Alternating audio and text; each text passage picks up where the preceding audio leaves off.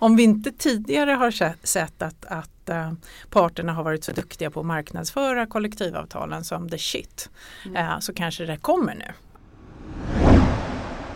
Du lyssnar på Samhällsvetarpodden med mig Ursula Berge. Idag ska vi prata om den svenska partsmodellens framtid. You all come to us young people for hope. How dare you? How dare you? Arbetsförmedlingens skyltar ska upp på fler ställen. Jag har örat mot marken, jag lyssnar, jag leder såväl partiet som politiken i landet. Kjell Jansson menar att finanskrisen knappast märktes i Sverige. Kjell Jansson måste ha levt i en annan verklighet än vanligt folk. Det är alltså inte polisen som är problemet, utan politiken. Hej och välkomna till Samhällsvetarpodden som leds av mig Ursula Berge. Vår gäst idag är Charlotta Stern som är VD för tankesmedjan Ratio. Välkommen Charlotta! Tack så mycket! Eller ska jag säga Lotta? Lotta går jättebra. Lotta går jättebra. Ja. Och Ratio som du är VD för, ni kallar er ju Näringslivets forskningsinstitut och ni har nyligen gett ut en bok med namnet Den svenska modellens framtid. Och ni är ju eh, forskartunga, ni är forskarmeriterade allihop som skriver. Japp. Och, eh, otroligt intressant att studera den svenska partsmodellen från ett, från ett forskarperspektiv och, och kanske också med ett näringslivsperspektiv. Hur tycker ni på Ratio generellt att den svenska partsmodellen fungerar? Eh, Ja, det är svårt att, när man jobbar med forskare så lär man sig att det här att uttala sig generellt om vad folk tycker är inte så populärt. Men jag kan väl säga att vi som författat den här boken, vi tycker att den svenska partsmodellen generellt fungerar väl. Det, det har den gjort de senaste, ja sedan 95 skulle jag säga. Um, på alla möjliga sätt och vi försöker på olika sätt i den här boken berätta hur den fungerar och lite göra några nedslag på olika områden kring liksom, vad vi tycker är viktiga Le leverabler som man kanske skulle säga om man är företagsekonom. Mm. Och ni bryter upp den i olika delar och ni försöker till och med betygsätta så vi ska komma in på det. Mm. Men eh, hur lättbeforskad är den? Den är ju ganska amöbalik på många sätt. Ja definitivt. Eh, den är extremt amöbalik skulle jag säga och det märker man så fort man börjar liksom grotta ner sig lite grann i hur den funkar. För det blir verkligen väldigt tydligt ganska fort att det finns områden på svensk arbetsmarknad som, där liksom, eh, partsmodellen fungerar extremt väl. Eh, där där liksom arbetsgivarorganisationer och fackliga parter liksom har ett gemensamt samspel samsyn och de liksom jobbar gemensamt med olika frågor och utvecklar hela tiden liksom verksamheter och, och kollektivavtal och så vidare. Och sen så har vi andra eh, områden och andra branscher där det är lite, lite mera liksom, inte så smooth. Eh, där det kanske är mer konflikter, man har olika synsätt på liksom, eh, saker och ting och vilket gör att där knökar det mer liksom, naturligtvis. Så är det ju liksom, i alla typer av förhållanden. Ibland har man, har man liksom goda relationer, ibland funkar de mindre bra och sådär. Så att allt det där eh, finns ju eh, i den, inom den svenska modellen långt ner till företagsnivå. Mm. vi ska komma in på mm. alla de där dimensionerna men Alltså den svenska partsmodellen är ju egentligen en nordisk partsmodell mm. även om det ser lite olika ut i de olika nordiska länderna. Definitivt. Men det är en ganska apart eh, fenomen i ett internationellt perspektiv. Mm. Och ni försöker göra lite internationella komparationer. Ja. ja och det är väl lite grann för, för att man måste förstå det är så lätt att man blir eh, hemmablind och att man blir väldigt kritisk och man tycker det här borde ju funka, kunna fås att funka bättre. Eh, och den internationella utblicken gör en på något vis också väldigt, tycker jag, ödmjuk inför att, att den svenska modellen trots allt liksom lyckas hålla samman, den, den fungerar väl. Eh, Svenskt näringsliv står sig internationellt sett relativt starkt.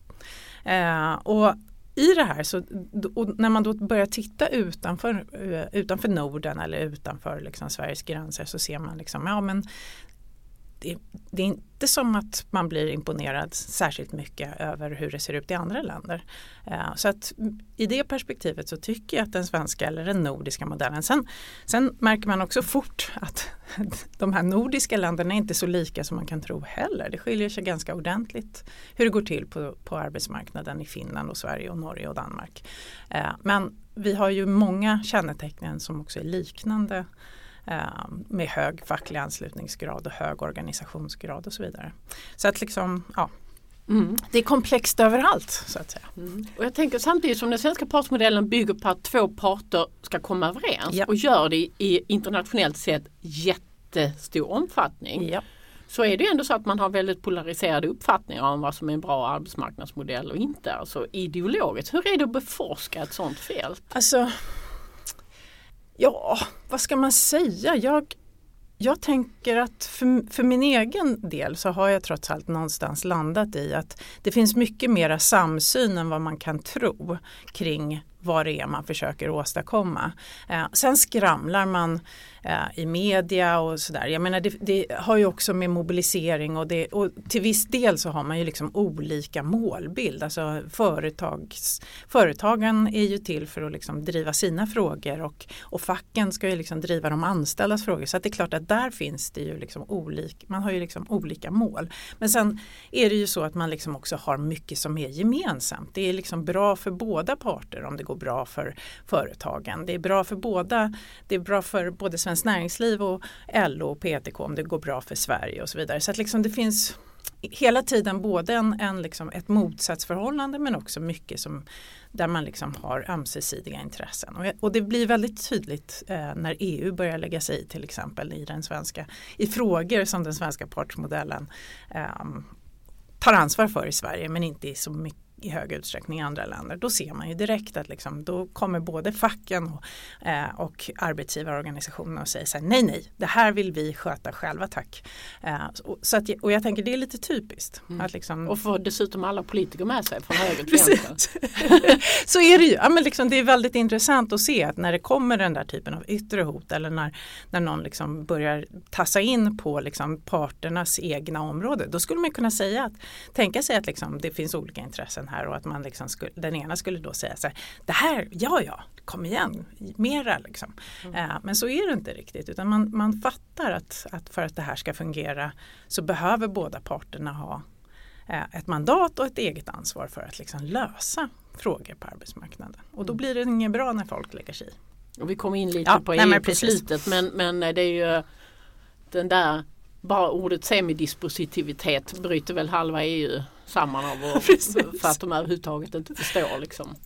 Vad är detta liksom? för något konstigt? Ja, Men den här amöba-grejen ja. beskriver ju ni på ett lite mer vetenskapligt sätt som att det fick, finns att det är en polycentrisk modell men den har monocentriska inslag. Ja. Kan du beskriva det?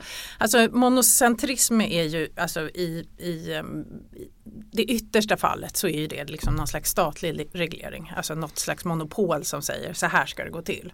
Eh, och det har vi ju i Sverige naturligtvis. Men, men även partsmodellen är ju i vissa steg monocentrisk. Eh, märket är ju en sån konstruktion. Det vill säga att man sätter en, en nationsövergripande norm för hur stort löneutrymmet ska bli på, på liksom svensk arbetsmarknad. Eh, det är ju någonting som verkligen inte är polycentriskt, det vill säga att man, det är många olika aktörer som kan självständigt bestämma om saker. Utan det här blir ju på något vis en sån här liksom, eh, focal point eller liksom en punkt som alla liksom har att förhålla sig till på olika sätt på svensk arbetsmarknad.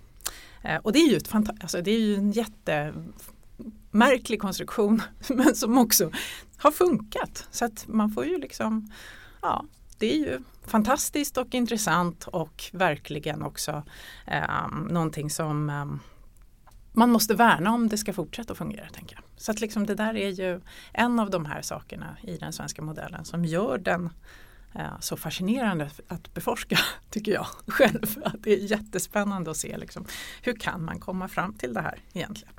Eh, och det gör de. Men sen så har vi ju då liksom, eh, den polycentriska eh, delen av den svenska modellen med liksom branschavtal, vi har liksom, företagsavtal, vi har liksom avtalade varianter på olika regler på lokal nivå, på branschnivå och på central nivå. Då. Och det är ju det finns ju flera forskare som har liksom försökt beskriva det här. Eh, Anders Kjellberg pratar om eh, collective kollektiv självreglering eh, och till exempel som är ju närliggande. Vi pratar om polycentrism därför att vi tänker att, att det också, det är inte bara regler utan det handlar också väldigt mycket om liksom sociala normer och, och liksom att man, man hittar de här liksom sätten att arbeta som, som är egentligen bredare än bara liksom själva kollektivavtalet. Så att säga. Mm. Så att, ja, du vet, man vill ja, alltid göra sin egen grej som forskare. Precis, och 55 arbetsgivarorganisationer, 60 mm. fackförbund, Precis. 700 kollektivavtal. Ja, eller hur. Jag det, menar, det är ganska poly. Ja, det är väldigt, väldigt poly. Det kan man väl verkligen säga. Och jag tror att det är det här som EU inte förstår. Eh, om man nu får säga EU som om det var en enhetlig massa också. Men vi är ju en liten aktör i, i liksom ett EU-perspektiv och, och liksom den här komplexiteten som den svenska modellen um, karaktäriseras av är ju, alltså det är inte bara EU naturligtvis utan det är ju liksom väldigt många på, som agerar på den svenska arbetsmarknaden som inte förstår att det här är ju liksom ett komplext fenomen, ett system som faktiskt liksom, eh, har byggts upp på, över väldigt lång tid och liksom har sina egna liksom, spelregler. Eh, som man inte får mecka med för mycket tänker jag. Mm. Och inom, i, i, varje sån här liten bubbla liksom av ett kollektivavtal eller två parter som förhandlar kan man ju också se en dimension centralt och lokalt. Mm, absolut. Och, och där är ju avtalen i allmänhet eh, centrala men man kan liksom förhandla lokalt om avtalsturlistor ja, och så vidare. Precis. Hur ska man förstå det här centrala lokala? Alltså det är ju någonting som vi har eh, väldigt dålig koll på som forskare. Eh, vi vet ju att det finns lokala avtal nästan jag vet, jag vet inte vilken utsträckning, det där har säkert ni bättre koll på än vad jag har. Men när vi gör intervjuer med, med företagare eller fackliga representanter så märker man ju hela tiden jo men vi har egna avtal om, om arbetstider eller vi har egna avtal om, om eh, lönebildning eller vi har egna så att liksom de förekommer ju över de är inte ovanliga i alla fall ska man väl säga. Eh, men sen är det ju eh, stor skillnad i hur hur mycket kollektivavtalen tillåter lokala överenskommelser. Och där har vi faktiskt påbörjat ett forskningsprojekt om Eh, just kollektivavtalens centraliseringsgrad som eh, jag tycker är väldigt intressant och som jag inte vet att någon har tittat på tidigare. Eh, där, där jag tänker mig att vi kan bidra med ny kunskap om hur det faktiskt ser ut i kollektivavtalen. Eh, som, som är rätt intressant tycker jag själv. Mm. Om jag får säga det. Men det här med centralt och lokalt. Mm. Eh, eh lite senare i, i, boken som faktiskt föranleder det här samtalet. Ja. För det, det, har vi glömt mm. nämna. Ja, det, den svenska partsmodellen har, är en bok som Ratio har gett ut och som, som är väldigt intressant för att gå igenom det här.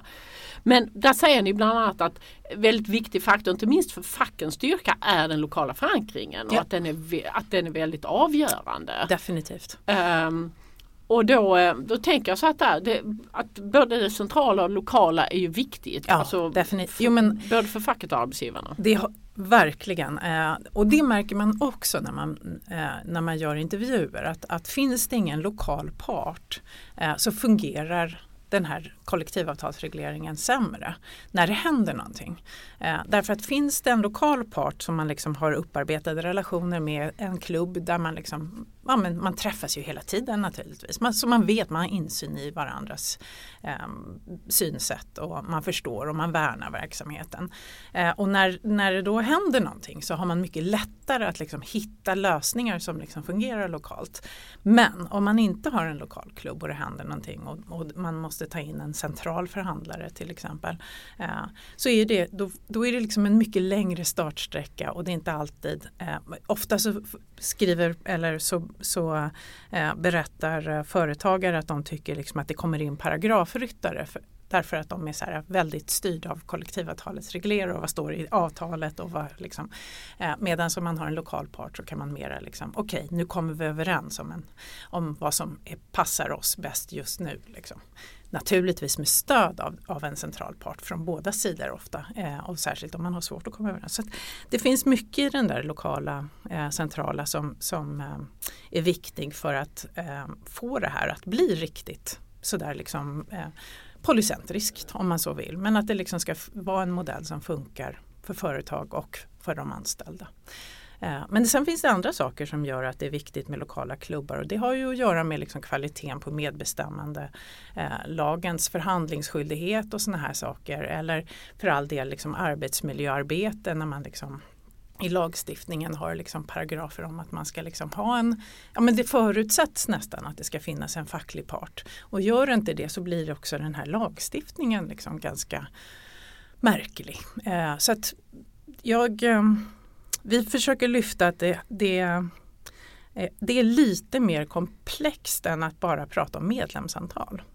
Eh, för medlemsantal är naturligtvis viktigt och just för att liksom ge modellen legitimitet. Men, men det handlar också om att det ska finnas ett lokalt engagemang. Alltså, det måste finnas också en part. Um, och det missar man ibland i diskussionerna tycker jag. Man pratar väldigt mycket om att liksom, medlemstalen sjunker. Men det är liksom bara ett ett steg. Liksom. Nästa steg är ju liksom, var finns de lokala klubbarna och liksom börjar de försvinna så ja, då tror jag att den fackliga anslutningsgraden sjunker ännu mer om man så säger. För att då finns det inte ens något lokalt fack på arbetsplatsen som liksom säger så här, det är klart du ska vara med. Liksom. Så att det, här är, det här är riktiga utmaningar tycker jag för den svenska modellen och någonting som eh, faktiskt är ett gemensamt intresse för både arbetsgivarorganisationer och de fackliga. Mm. För, att liksom värna, ja, men, för att den här modellen ska funka på lång sikt. Och bra att beforska också. Definitivt. Du, jag tänkte säga, alltså den svenska partsmodellens äh, kanske inte raison d'être men nästan är ju kollektivavtalen. Ja. Äh, jag tänkte på det när Magdalena Anderssons städhistoria äh, kom upp. Mm. Vad svårt det är att få reda på om det finns kollektivavtal mm. eller inte på, på, hos ett företag. Fastän 90% av alla omfattas av kollektivavtal ja, i Sverige. Varför precis. är det så? Ja, men det är ju för att de är på, liksom, lokal, alltså de är ju tecknade på företagsnivå så att säga. Eh, och vad jag vet så är det ju liksom inga, finns inga regelrätta register över liksom vilka som har kollektivavtal eller inte. Um, så att det, det är ju komplex materia det här. Uh, parterna vara, vet. Parterna vet ja. Men, men ingen varför, annan höll jag på att säga. säljer man inte in det som, alltså, som en konkurrensfördel att ha det? Och... Ja det där får du, det får, det får, fråga någon annan. det får du fråga någon annan Jag tror att man försöker det eh, ibland eh, och, och, med varierande framgång. Um, men, men som sagt, liksom, det, det, ser lite olika ut och det finns ju också ibland vissa företag ett, ett motstånd mot kollektivavtal. Man tänker att det är krångligt och man tycker inte att det är attraktivt och så vidare. Så mm. Det finns ju liksom Men de som har tecknat det borde ju vara intresserade att tala om det. Det kan man verkligen tycka men, och en del gör ju verkligen det med stolthet. Jag var just och fikade och där står det liksom schyssta villkor, visita på, ja. på liksom dörren och sådär. Men det är ju sådana som jag som lägger märke till det. kanske. Mm. Precis, fast det sitter på dörren. Ja, fast det sitter på dörren. Och den här eh, konstiga fågeln vi pratar om, mm. det vill säga den svenska partsmodellen, den är ju inte bara parterna utan politiken har ju möjliggjort det. Absolut. Från Saltsjöbadsavtalet mm. tills idag. Ja. Beskriv din bild av hur rollfördelningen mellan politik och parter ser ut i Sverige idag. Att den, har ju, den, har, den har ju varierat över tid är det väl vettigt att säga. Att, att um, det började ju någonstans med eh, Saltsjöbadsavtalet och den lagstiftningen som kom i, i dess, liksom, i, ja, men, i ungefär samma era. Eh, och sen så hade vi liksom en period under 70-talet när staten blev lite mer interventionistisk. Eller vad man ska säga, började liksom reglera eh, mera via lagstiftning. Man tänkte liksom att man skulle åstadkomma schyssta villkor på arbetsplatserna genom att lagstifta om, om um, villkoren. Eh, och sen efter det så har man liksom återtagit någon typ av liksom idé om att nej, men parterna ska sköta det här. Eh, och jag tror att det idag finns en ganska stor samsyn eh, hos alla politiska partier i princip att, att det här är arbetsmarknadens reglering är bäst. Är det bäst om parterna sköter? Men, och så kommer det såna här ibland små inspel från politiska partier och Ja, och ibland behövs ju också den politiska påtryckningen för att få saker och ting att, att faktiskt hända. Eh, Saltsjöbadsavtalet kom ju till under hot om lagstiftning. Eh, och vi kan ju också se att den eh, så kallade LAS-överenskommelsen eller trygghetsöverenskommelsen eller vad vi ska kalla den för, kärt barn har många namn kanske, eh, har ju också varit en sån här liksom där, där liksom staten eller politikerna gick ut och sa liksom, om, det inte, om ni inte kommer överens så punkt, punkt, punkt. Så att det här händer ju liksom, det är, så det här är, det är komplex materia. Återigen eh, så är det ju liksom um, i princip så är det liksom parterna som ska sköta det här, det finns det samsyn om. Men sen ibland så finns det liksom svåra frågor där parterna inte kanske kommer i land om inte någon knuffar på.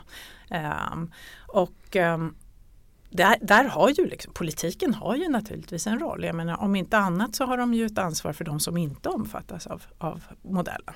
Eh, att de också ska ha en vettig arbetsmarknad och att de också ska ha liksom ordning och reda på sina spelregler. Så att liksom, ja, det är, det är inte helt enkelt men, men någonstans där så, så finns det ju någon slags ja, någon slags hur ska vi tänka kring det här och så får man liksom göra det lite på mm, frågor fråga på fråga basis tänker jag. Det är någon form av muddling through. Vissa saker ja, ska vara ja, lagstiftning, precis. andra saker kan vara en, en lagstiftningshot som leder till en partsöverenskommelse. Andra saker blir ju trepartsöverenskommelse. Ja, har vi också precis. sett exempel. Ja. Det fanns något som hette jobbpakt för unga för några mm. år sedan. Det gick ja, inte precis. jättebra men det var i alla fall snabbspåren i någon form av trepartslösning. Och de här trepartslösningarna är ju ganska vanliga i, i Finland till exempel med varierande framgång. Alltså, spontant så är man väl lite skeptisk till det för att det känns ju li, det, är, det är alltid lite sådär demokratiskt tveksamt tycker jag när, när liksom några stora spelare på en, på en i ett samhälle sätter sig och liksom gör, gör upp om saker. Man blir så här, ha, liksom. De får ett mandat nu och liksom, ja, göra beställningar hos lagstiftningen eller komma överens tillsammans med staten om vad som, vad som är bäst. Liksom. Och man kan ju inte låta bli att bli lite så här, okej, okay, vems intressen liksom, företräder de här?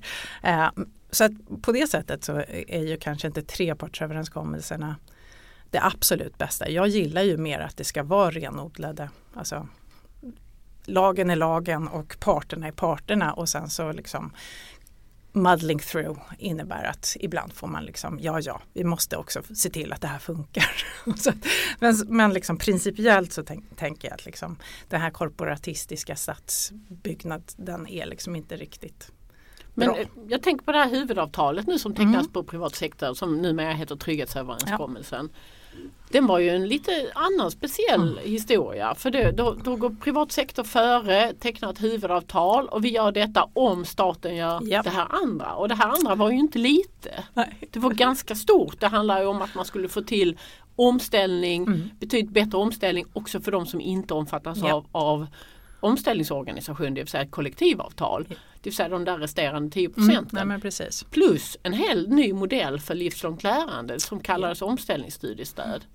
Ja verkligen. Det här var ju det här är Lite världsunikt. Ny tror jag. modell. Ja, men definitivt. Det här nu trycker är... parterna staten framför precis. sig. Det, jag tänkte precis säga det. Det här är liksom motsatsen till lagstiftningshot. Ja.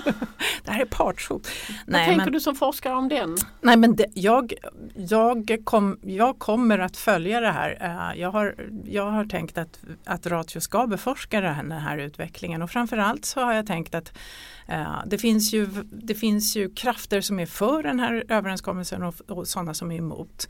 Eh, inom, båda, inom båda sfärerna så att säga, inom både fackförbunden och, och arbetsgivarorganisationerna. Och jag tänker att, liksom, att faktiskt följa hur en sån här reform går till genom att liksom intervjua människor som är med och liksom se hur de tycker att den utvecklas. För det här kommer naturligtvis att på något vis ta skepnad när den här liksom avtalet ska översättas till någon typ av praktik.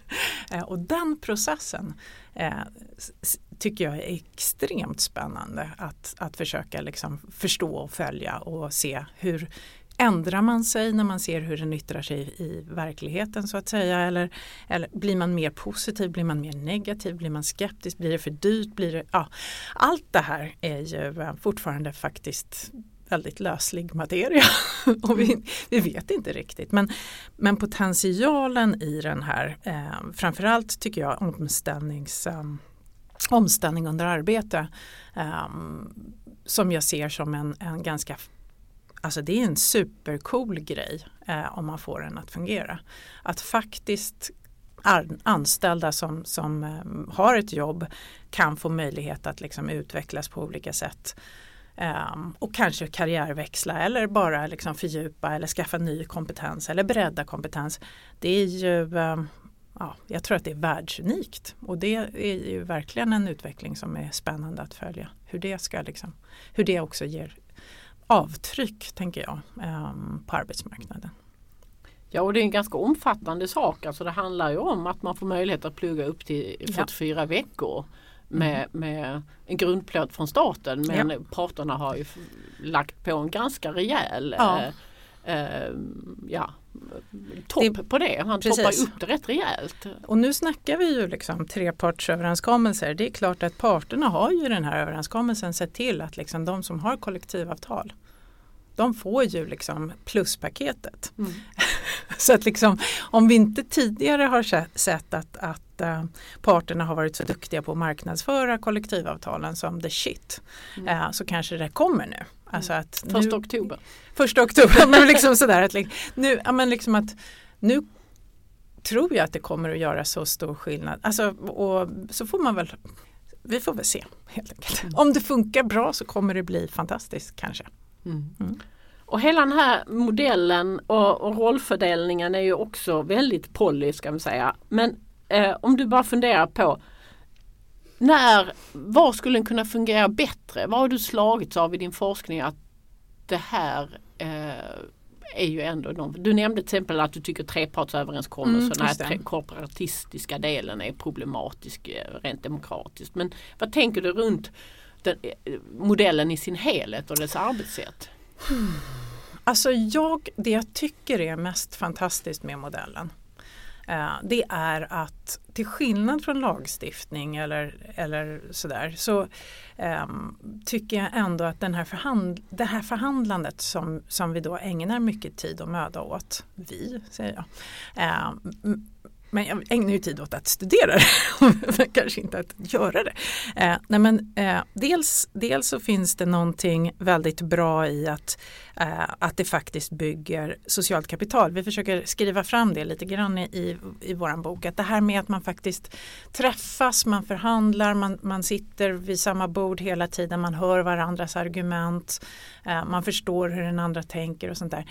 Alltså det skapar ett, ett tycker jag mig se, eh, när det fungerar väl, ett, ett väldigt stort, liksom, en stor respekt för den andra parten, för den andras perspektiv. Man förstår liksom var den kommer ifrån så att säga. Eh, och det är också väldigt bra för Sverige generellt att de som förhandlar har skin in the game. Jag vet inte riktigt den svenska översättningen med det. Men att det är faktiskt de som får stå för konsekvenserna. Eh, så att liksom kommer man överens om ett, ett, ett en regelförändring eller ett nytt avtal så är det liksom de som har ingått avtalet som också betalar för det på olika sätt. Alltså facken genom att liksom byta kanske löneutrymme mot kompetensinsatser och arbetsgivaren genom att liksom betala någonting som ja, som förhoppningsvis liksom är bra. Så det, det, det, är också liksom ett på sätt och vis liksom schysst spel. Alltså man, det skapar liksom schyssta, ja, schyssta kulturer tror jag. Ja. Ibland brukar man säga det att politiken där kan man ju drämma till varandra ganska hårt ja. och gå därifrån och, och vara arga på varandra. Men vi ska ju sitta vid samma bord igen liksom, med, med de där eh, om ett tag. Exakt då måste så. Man ju... Nej, men, så att det finns liksom väldigt lite intresse av att ljuga för varandra eller spela fulspel eller liksom sådär. Jag, så jag, jag, tänker att det faktiskt skapar ett liksom ärligt och liksom ganska schysst mm. förhållningssätt eh, på svenska arbetsplatser. Om vi går vidare så en, en bärande del i eh, er er bok är ju att ni, ni ställer vissa vad, eh, krav, ska säga. vad ska den här modellen leverera? Och då pratar ni om konkurrenskraft, utvecklingskraft, kompetensförsörjning och att inkluderande samhälle med ett antal underrubriker. Mm. Är det här det viktiga? att leverera? Alltså, vi, försökte, vi tänkte så här, den svenska modellens framtid, vad, vad, vad ska en arbetsmarknad vara bra för? Eh, en arbetsmarknad är ju liksom utbyte av arbete mot lön på något vis. Eh, men den, har ju liksom, den ska ju fungera på så sätt att, att liksom vårt samhälle eh, kan konkurrera internationellt. Och det, för att det ska göra det så behöver man liksom ha företag som går bra, som, där det kommer nya företag, innovativa företag där vi liksom står, ja men så, det som liksom på sikt levererar konkurrenskraft så att säga. Och sen så behöver vi naturligtvis ha en, en bra matchning eh, där kompetensförsörjningen som samlingsbegrepp handlar väldigt mycket om att liksom folk ska liksom matchas på jobb, det ska finnas kompetens att få eh, om, man är liksom, om man utbjuder ett arbete och, och samma sak för, för eh, Eh, individen naturligtvis, att liksom man ska kunna få ett arbete som matchar ens kompetens och så, och så vidare. Och ett inkluderande samhälle ser jag som ett liksom, ett måste nästan. Ett gott samhälle innebär att, att människor kan bidra, att man får chansen att få ett jobb till exempel och en god utveckling över tid och sådär. Och ja, det ska vara rättvist. Så att liksom alla de här sakerna var liksom så här, när vi satt och resonerade fram och tillbaka, va, men vad tycker vi då? Vad är liksom viktiga ingredienser? Så, så landade vi i det här och det finns naturligtvis, man skulle ju kunna lägga till tusen saker till. nu gjorde vi liksom fyra saker med minst tre underrubriker under varje och så försökte vi liksom ta reda på liksom, ja, men hur står vi oss då på de här varianterna. Eh, och sen så försökte, så det var liksom ett sätt att ta ett brett grepp, eh, att liksom vara framåtsyftande genom att liksom göra lite internationella utblickar, genom att liksom försöka samla ihop forskning om olika fenomen eh, och genom att liksom skriva fram en, någonting som liksom berör alla, eller vad man ska säga. Eh, så det är klart att hade, hade vi liksom tagit fler så hade boken blivit dubbelt så lång. Den innehåller redan minst 75 diagram och så vidare. Så liksom, det finns gränser vad man kan utsätta en läsare för. Vi som älskar diagram. Vi, vi jag gör ju också det, det och det, ser man ju också i boken kan man ju säga. Men eh, eh, jag som jobbar på facket och vi ja. som gör det kan ju tycka att det fanns några perspektiv. Alla de här är vettiga att mäta mot mm -hmm. som ni nämner. Men vi kan ju tycka att sånt som anställningstrygghet, bra arbetsmiljö, att man inte blir sjuk på jobbet, mm. att man inte dör på jobbet ja, och, nej, och hållbart arbetsliv, att man kan mm. jobba längre, att det finns äh, saker ni inte har med. Nej, så är det ju. Uh, vi pratar lite om de här sakerna. Uh, håll, alltså det här med att man jobbar längre pratar vi ju lite grann om när vi pratar om just uh, sysselsättningen eftersom vi står inför någon slags arbetskraftsbrist generellt i samhället och vi kommer behöva jobba längre. Och då blir det ju intressant med liksom, eh, så pass schyssta arbetsvillkor så att folk vill jobba längre. Eh, men, men jag tror att den, den enkla förklaringen är väl liksom att vi, kan, vi, kunde, vi var tvungna att avgränsa oss. Det är ju liksom steg ett. Det andra är ju att alla de där sakerna som, som du tar upp nu är liksom ändå faktorer som sköts bäst på företagsnivå. Vi har liksom försökt tänka parts, partsnivå och lite grann staten och liksom de här parterna och vad de har ansvar för. Eh, när det gäller jämställdhetsarbete, det är klart att facket har ett viktigt men det är liksom på något vis är det, är det eh, på arbetsplatsen de här frågorna liksom sköts bäst, åtminstone som jag ser det. Eh, och om vi ska liksom börja bege oss ännu längre ner, nu, vi har ju liksom hållit oss på någon slags generell nivå eh, och inte gjort så mycket nedslag på liksom företagsnivå mer än liksom vid några enstaka tillfällen. Så att, ja, sådär. Men sen en tredje faktor är faktiskt att, att eh, det är jag skulle säga att liksom 80% av arbetsmarknadsforskningen som bedrivs i Sverige idag handlar om just de här andra frågorna. Eh, som arbetsmiljö och, och liksom osäkra anställningar, om psykosociala problem på arbetsplatser och så vidare. Så att liksom den, den delen är redan eh, extremt välbeforskad. Eh, så det kändes inte heller som att där gör vi inte så stor nytta av att liksom ännu en gång prata om liksom, allt det här andra.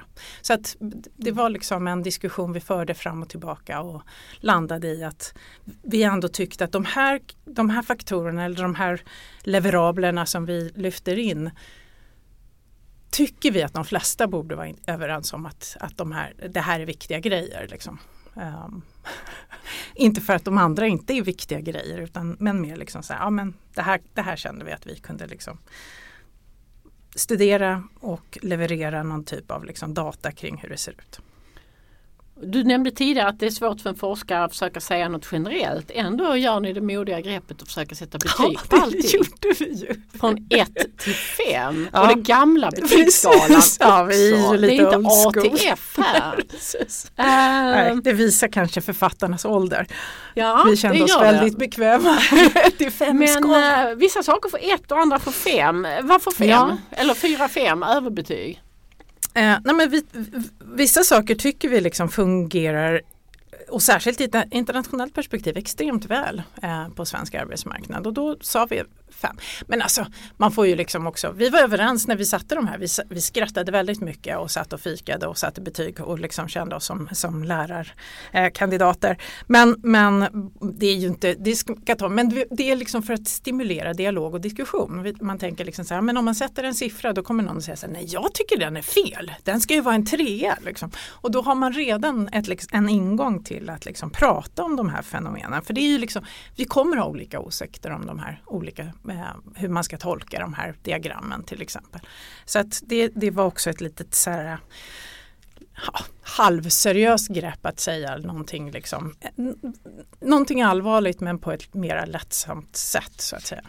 Eh, Men överbetygen betyder att vi helt enkelt diskuterade oss fram till att det här är saker vi tycker att den svenska modellen gör jättebra. Så är det. Och det var konkurrenskraft, hög Ja. sysselsättning, social sammanhållning och, och lite sånt. Mhm. Men eh, sen eh, var det svagheter i systemet. Ni ger låga Precis. betyg till, till ett gäng också. Det Mhm. handlar om utvecklingskraft, Mm. matchning, Mm. unga och nyanländas inträde på arbetsmarknaden. Mm. Hur tänker ni där? Eh, ja men där har vi liksom försökt att, att säga att det här, det här med matchningen har vi ju under pandemin nu kanske inte fokuserat, det har inte varit en så stor fråga eh, på arbetsmarknaden just de senaste två åren kan man väl säga. Men innan dess så var ju eh, kompetensbrist en jättestor fråga för, för Sverige.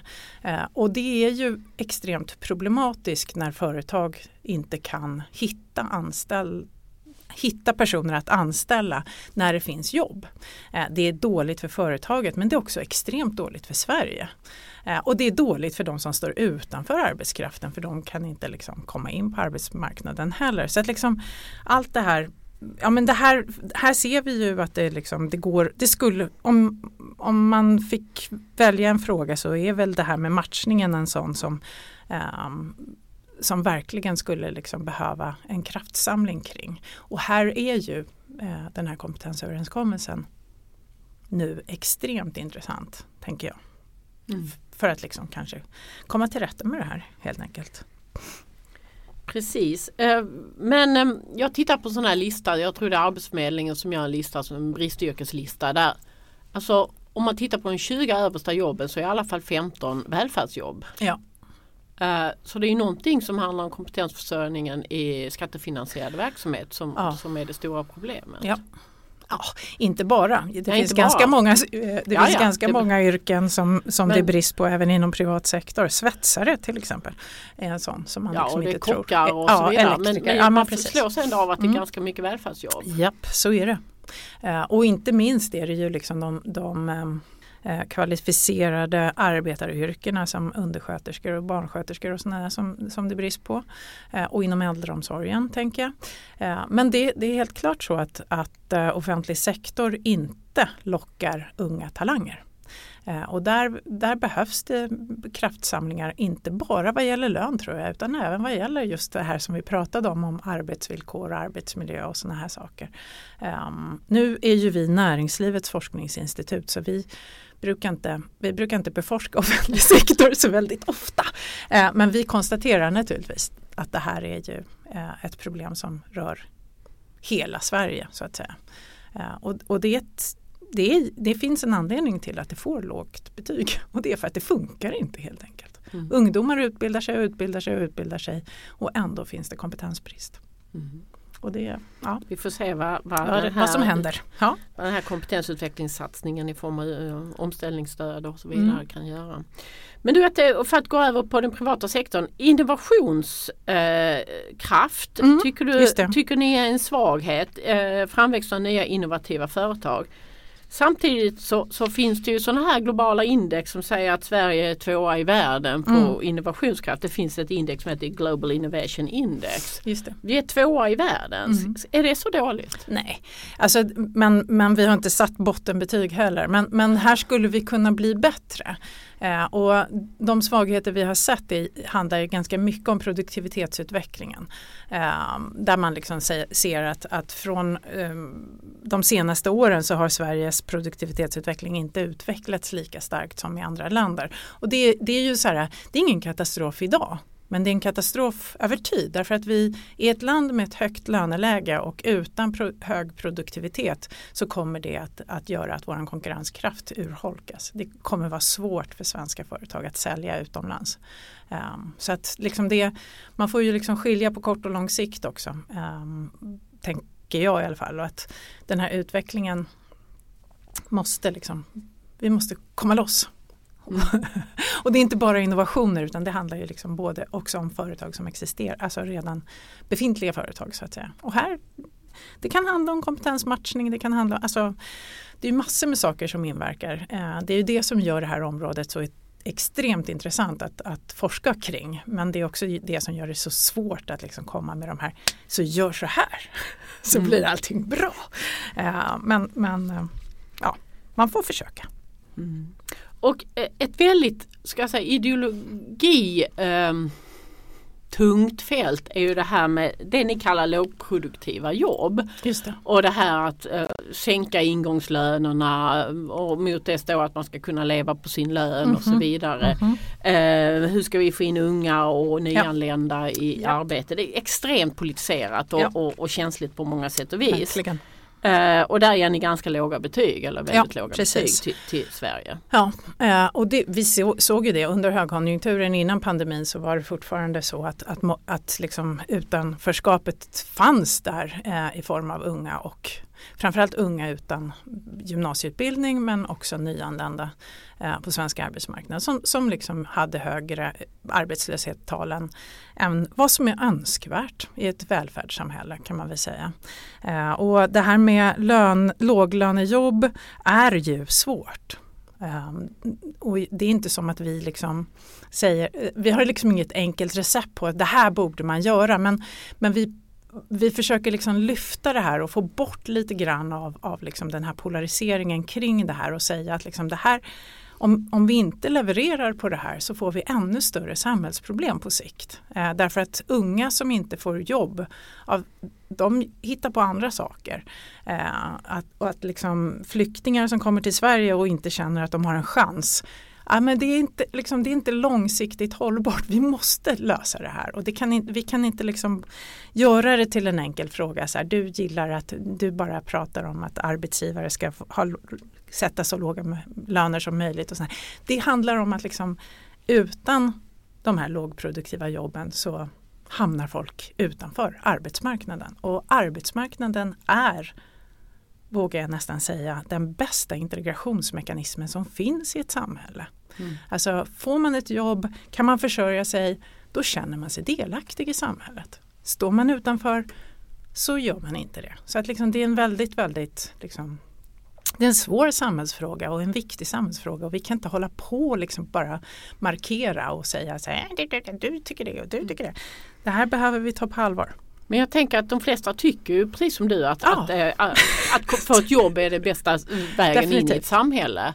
Sen är det bara frå- frågan hur man kommer Mm. dit. Eh, parterna kom ju överens om någonting 2017 som heter etableringsjobb som innebar att, att kostnaden för arbetsgivaren skulle vara ganska låg. Jag tror 8000 någonting i den stilen. Ja. Och sen skulle staten toppa upp så att man kom upp till, till någon form av eh, kollektivavtalad lägsta Ja. lön. Eh, och det har ju staten fortfarande inte levererat på fem år senare. Är det en lösning som kan låsa upp Alltså, den jag- där knuten?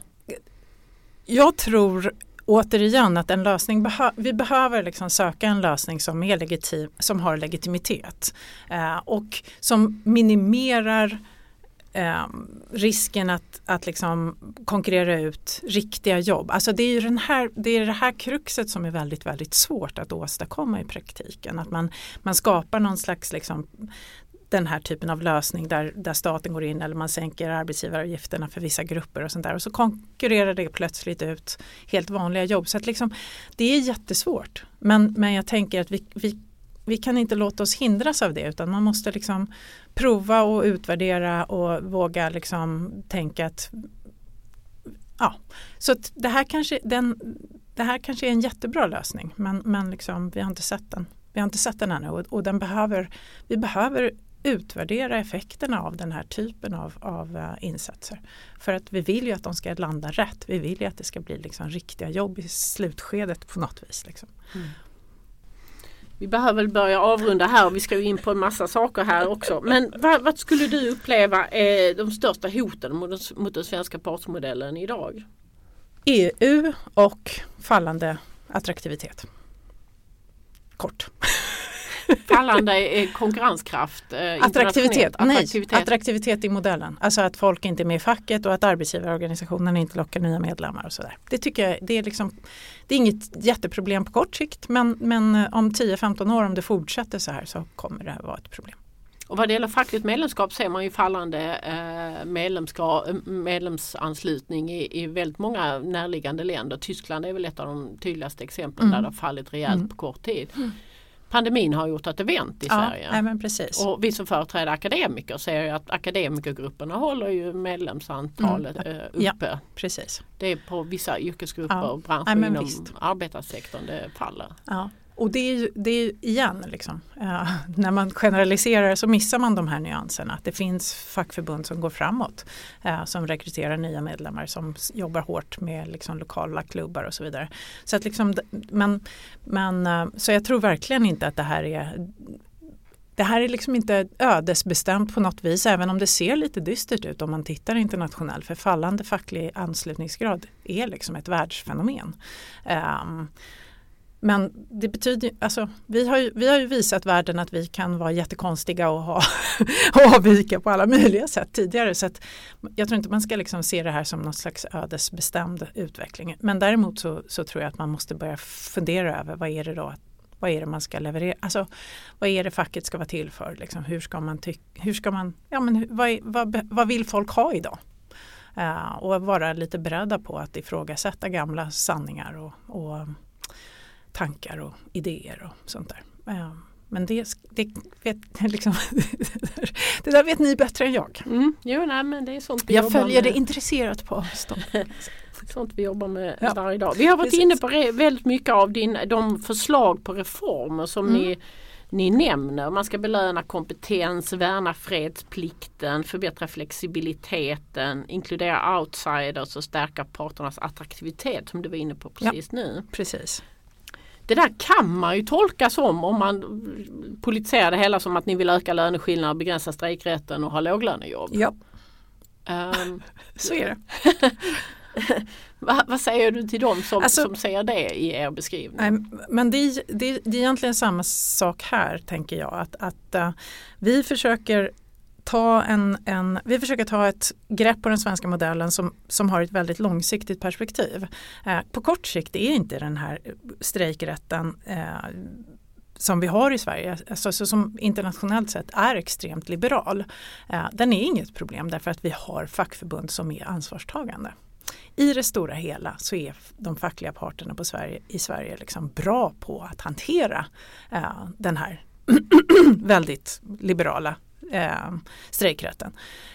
Men på tio års sikt, det, liksom det, jag menar, det, man kan ju ha olika scenarier men, men vi tänker ju att man, liksom, man måste också börja prata om liksom, vad händer om facket radikaliseras eh, och de här strejkreglerna eh, inte har, det, att det inte finns någon proportionalitet till exempel utan att man kan ta ut folk i strejk eh, för att liksom, vara solidarisk med ett annat och så vidare. Att, att liksom, då kan det här eh, systemet börja fungera väldigt, väldigt dåligt. Och jag tänker ju liksom att det bästa är ju att jobba förebyggande, att vi ska ha på plats en, en, eh, ehm, diskussion som kanske kan leda till en partslösning kring det här. Alltså man kan ju tänka sig ett, en, ett partsgemensamt råd som, som reglerar och liksom pratar om strejkrätten eller proportionaliteten. Är det här en proportionerlig sympatiåtgärd? Är det här liksom så här? så att jag tänker det behöver inte vara så drastiskt som att säga liksom nu, nu liksom,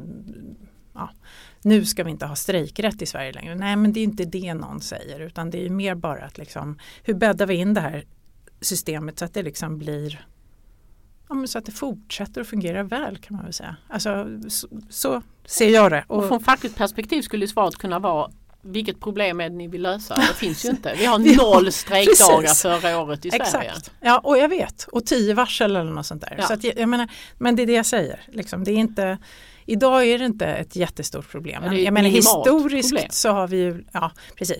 Men det är ju de senaste, liksom, under hela 80-talet så var det ju fullt med liksom, strejker och, och både lovliga och olovliga för all del. Men liksom, så att det, det, vi ser, det här förändras. Eh, Det är inte att det funkar just nu. Det är lite som med märket. Det är ju fantastiskt att det fungerar och det är samma sak med, med strejkrätten. Det är fantastiskt att det fungerar. Och det visar ju liksom också den svenska modellens styrka.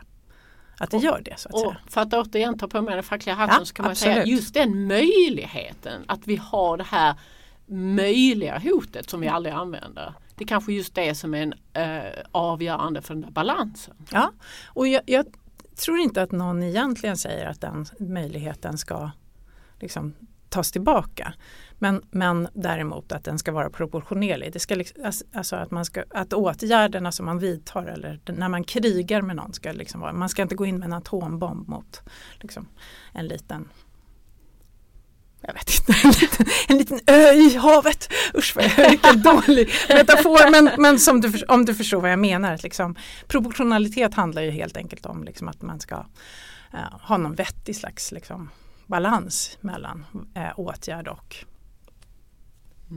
Mm. ja, Och konflikt. det här med balans för att Mm. avrunda. Det var ju det Hela den här huvudöverenskommelsen på, på privat sektor föranleddes ju av att det stod i januariöverenskommelsen att man skulle göra vissa förändringar av framförallt arbetsrätten och, och så talar man om kompetensutveckling. Men så sa man också men det är viktigt att bevara balansen på svensk arbetsmarknad. Eh, avslutningsvis, har vi den och de här förändringarna som faktiskt är rätt stora Mm. eh, säkerställer den eh, fortsatt att eh, den balansen finns? Eller behöver man eh, rucka lite i systemet? Oj, det är en jättesvår fråga att svara enkelt på, tänker jag. Men i princip så tycker jag att, att givet att, att det fortfarande är någon typ av för, liksom förhandlingsavtal som ligger i botten på den här för, förändringen. Där man faktiskt har tagit varandra i hand och sagt att vi, vi, vi, vi, vi är överens om det här. Okej, liksom. vi älskar inte alla delar, vare sig på den ena sidan eller den andra. Eh, så tycker jag ändå att liksom, då har man väl balans. Alltså i någon mening. Eh, man har ju ändå nått i hamn så att säga. Visserligen under laghot och så vidare men liksom, ja, ja, det där kan vi diskutera i många dagar. Verkligen. Ja du, tusen tack Lotta. Tack själv, vad roligt att få vara här. Och eh, ni som är intresserade av det här fältet läs gärna Ratios bok eh, Den svenska partsmodellens framtid. Den är väldigt intressant. Det var allt från Samhällsvetarpodden den här veckan. Du hittar oss där du hittar andra podcasts. Den här podden görs av Akademikerförbundet SSR, Sveriges ledande samhällsvetarförbund.